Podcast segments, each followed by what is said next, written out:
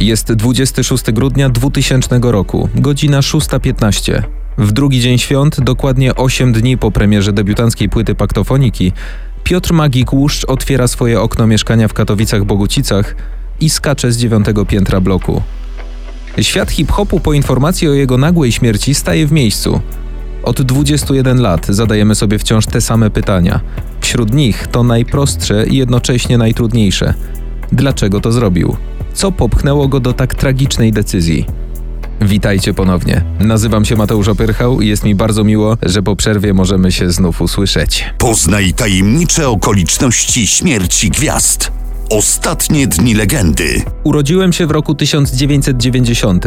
Może mając 10 lat, kinematografia była dla mnie odrobinę za trudną płytą i rodzice nie byliby zachwyceni, kiedy dowiedzieliby się, że słucham paktofoniki, ale kilka lat później odkrycie tego albumu sprawiło, że tak jak pewnie wielu z Was, od tamtych lat wracam do niego bardzo często. Bo ta płyta wywołała rewolucję, pokazała coś absolutnie nowego. Pod koniec lat 90. takiego składu, takiej szczerości w przekazie i tak charyzmatycznej trójki nie było. Nikt tak nie grał i nie nawijał, jak mówiło się o nich. Kto wie, jak paktofonika mogłaby jeszcze ciekawiej ukierunkować hip-hop, gdyby nagrywała w tym składzie do dziś. Wróćmy jednak do początku, do połowy lat 90. Katowice, a dokładniej dzielnica Bogucice.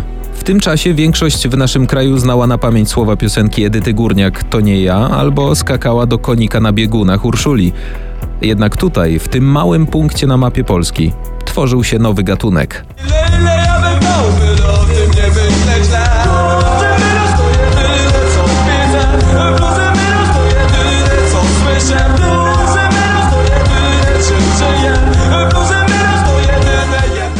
Rap. Był wszędzie, wciskał się na trzepaki, do domów i na górnicze hałdy. Grupki młodych chłopaków spędzające godziny pod blokami i wałęsające się po osiedlu to była wtedy codzienność. Dlaczego to właśnie hip-hop budował sobie pozycję w świecie muzyki w tamtych latach? No, Stało się tak głównie za sprawą paru chłopaków: Marcina Abradaba Martena, jego starszego brata Michała Joki i niepozornego, pochodzącego z Jeleniej Góry, szesnastolatka Piotra Łuszcza, który przybrał ksywkę Magik. Piotr Łuszcz urodził się 18 marca 78 roku w Jeleniej Górze, w rodzinie robotniczej. Jego ojciec pracował w hucie, natomiast matka była sprzątaczką. Na Górny Śląsk przeprowadził się z mamą i siostrą w wieku trzech lat. Hip-hop zakręcił mu w głowie dokładnie w roku 90, kiedy chodził do siódmej klasy szkoły podstawowej. Co ciekawe, Piotrek wcześniej zaczynał jako fan rocka. Nosił długie włosy i kolczyki, ale szybko pochłonął go nowy styl muzyczny. Nawet w późniejszych wywiadach jego mama opowiadała, że dosłownie nie rozstawał się z MTV. Rapował do telewizora, chłonął kulturę hip-hopu codziennie. Początkowo rapował na podwórku i pobliskim boisku z Abradabem.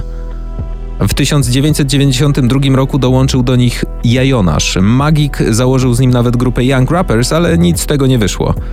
Dogadali się w końcu we trójkę i tworząc podkłady na komputerze Amiga 500 w domu, stali się legendami polskiej muzyki. Nowy skład nazwali Kaliber 44.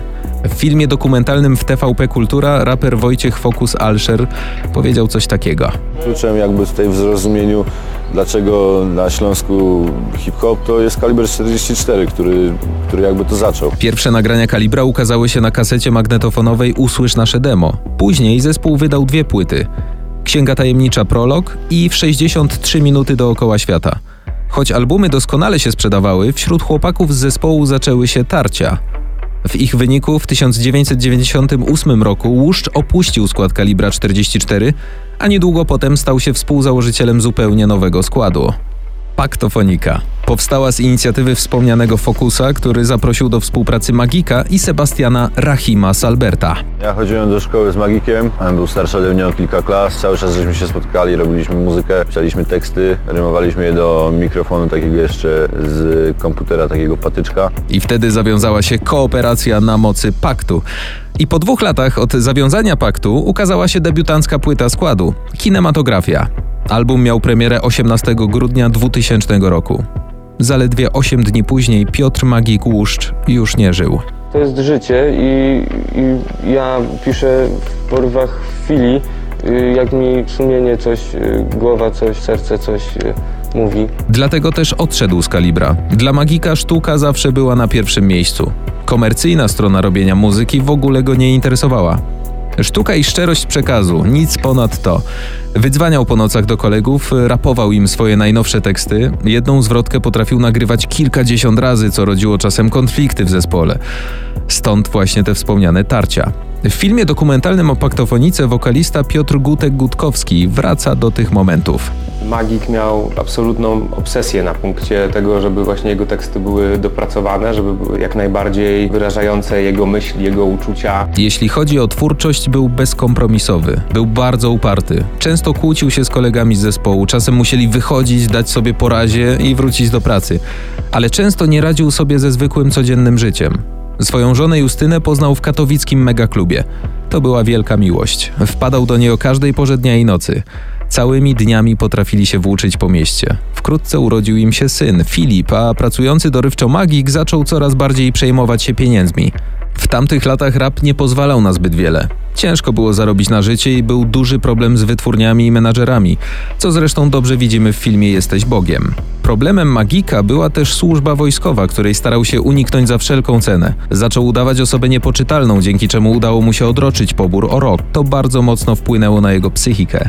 Tak ten czas wspominał Sebastian Rahim Salbert w rozmowie z Onetem. Magik wprost mówił kumplowi, że zaczyna świrować. Maska niepoczytalnego zawładnęła jego życiem. Jak powiedział Rahimowi, zaczął kompletnie świrować. Także w domu Łuszczów sytuacja stawała się coraz bardziej napięta.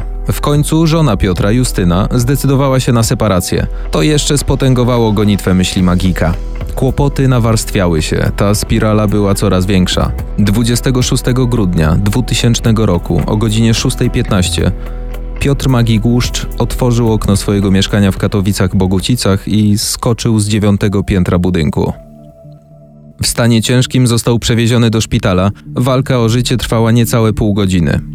Około 6.45 Magik zmarł. Niedługo później dowiedzieli się o tym koledzy z paktofoniki. Najpierw Fokus, który po chwili zadzwonił do Rahima. 8 rano, 26 grudnia. Spałem u Sota, bo tam mieliśmy dziennie jakąś tam świąteczną posiadówkę. No i, i dzwoni mi telefon, patrzę fokus. I to byłem zaskoczony, że dzwoni do mnie, ponieważ y, no, wtedy jeszcze telefony były takie no nie były tak spopularyzowane jak, jak na dzień dzisiejszy i, i częściej się tam pisało SMS-y czy coś, czy się bardziej odbierało rozmowy niż dzwoniło do kogoś. Yy, też nie mieliśmy kasy w ogóle na to, żeby te rachunki sobie opłacać, no i wiesz, to, że on do mnie dzwoni, to to już było zaskoczeniem pewnym, no ale no, no, no dzwoni, no jakaś ważna sprawa. No ale to już tym samym, wiesz, miałem złe przeczucie jakieś yy, z tym związane z tym telefonem, no i odebrałem go i Fokus mi to stonowanym, spokojnym, rzewnym głosem powiedział, co się wydarzyło i no i na tym skończyliśmy rozmowę, no potem popadłem już, wiesz, no, wielkiego doła i, no i się z tym borykałem dość długo. Śmierć magika była dla Fokusa i Rahima wstrząsem. Jest drugi dzień świąt. Osiem dni wcześniej wydali pierwszą płytę, w którą tak wierzyli, i nagle świat absolutnie się rozpadł. Początkowo zarówno Alsher, jak i Salbert zamierzali rozwiązać zespół. W dokumencie Paktofonika Hip-hopowa podróż do przeszłości Rahim to przyznał. Mieliśmy bardzo duże dylematy, co zrobić dalej. Były nawet, y, rozważaliśmy z fokusem zakończenie w ogóle definitywnie kariery. Minął pierwszy szok związany z tragiczną śmiercią przyjaciela. Po tym czasie Fokus i Rahim postanowili uczcić swoje wspólne dzieło i ruszyli w trasę. W trakcie koncertów partie Magika były odtwarzane z nagrań. Cała reszta szła na żywo. Dochód z koncertów Paktofonika podzieliła na trzy części. Jedna dla Fokusa, jedna dla Rahima i jedna dla żony i syna Magika. Trwała trasa koncertowa, a sam album odnosił sukcesy, sprzedając się w ponad 100 tysiącach egzemplarzy i osiągając status platynowej płyty. W 2001 roku Paktofonika odebrała statuetkę Fryderyka za album Kinematografia. Fokus i Rahim koncertowali jako Paktofonika aż do 2003 roku. Ostatni koncert w Spodku przeszedł do historii.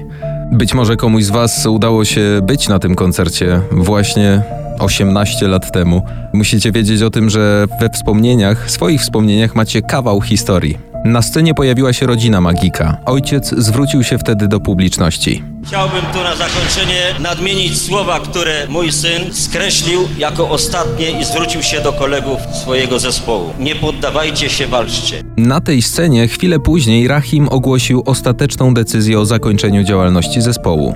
Na tym kończy się nasza wspólna podróż. Faktofoniki w tym momencie już nie ma. Dobranoc. Wracając do tego oczywistego pytania, dlaczego Piotr Łuszcz popełnił samobójstwo, odpowiedzi nie uzyskaliśmy do dziś. Może po prostu trzeba przestać zadawać to pytanie, bo odpowiedź na nie zna już tylko sam magik, a jego przyjaciołom trudno jest szukać tej odpowiedzi. Czy to chyba nie odpowiem Ci na to pytanie. Dlatego, że nikt do końca nie wie tego, dlaczego to zrobił. Ogólnie wszyscy toną w sferze jakichś tam domysłów, przypuszczeń i tak dalej, no bo nie napisał kartki. Mam dość Was i, i cześć. Myślę, że to jakieś, mm, tak jak powiedział sam, zaburzenie emocjonalne plus no, po, po, poważne jakieś problemy wiesz, wewnętrzne spowodowały, że stało się tak, a nie inaczej. Może wiem to z, ze swojego punktu widzenia, wiesz, może z tego na ile go znałem na ile z nim przebywałem i wiem co przeżywał, to wiem dlaczego się tak wydarzyło, ale też po prostu jakby nie da się rozmawiać, to trzeba by było żyć w tym i to poznać, żeby tą odpowiedź dostać, wiesz, jak kawę na ławę. Legenda magika trwa nadal. W 2012 roku na podstawie historii paktofoniki powstał obsypany nagrodami film Jesteś Bogiem. Stał się największym polskim kasowym sukcesem od czasów pana Tadeusza Andrzeja Wajdy. A kinematografia jedną z najważniejszych, jak nie najważniejszą hip-hopową płytą w naszym kraju. Mateusz Opyrchał. Dzięki i do następnego. O, widzę, że pan się ładnie przedstawił przed nam tutaj w tej chwili słuchaczom, przed milionami słuchaczy.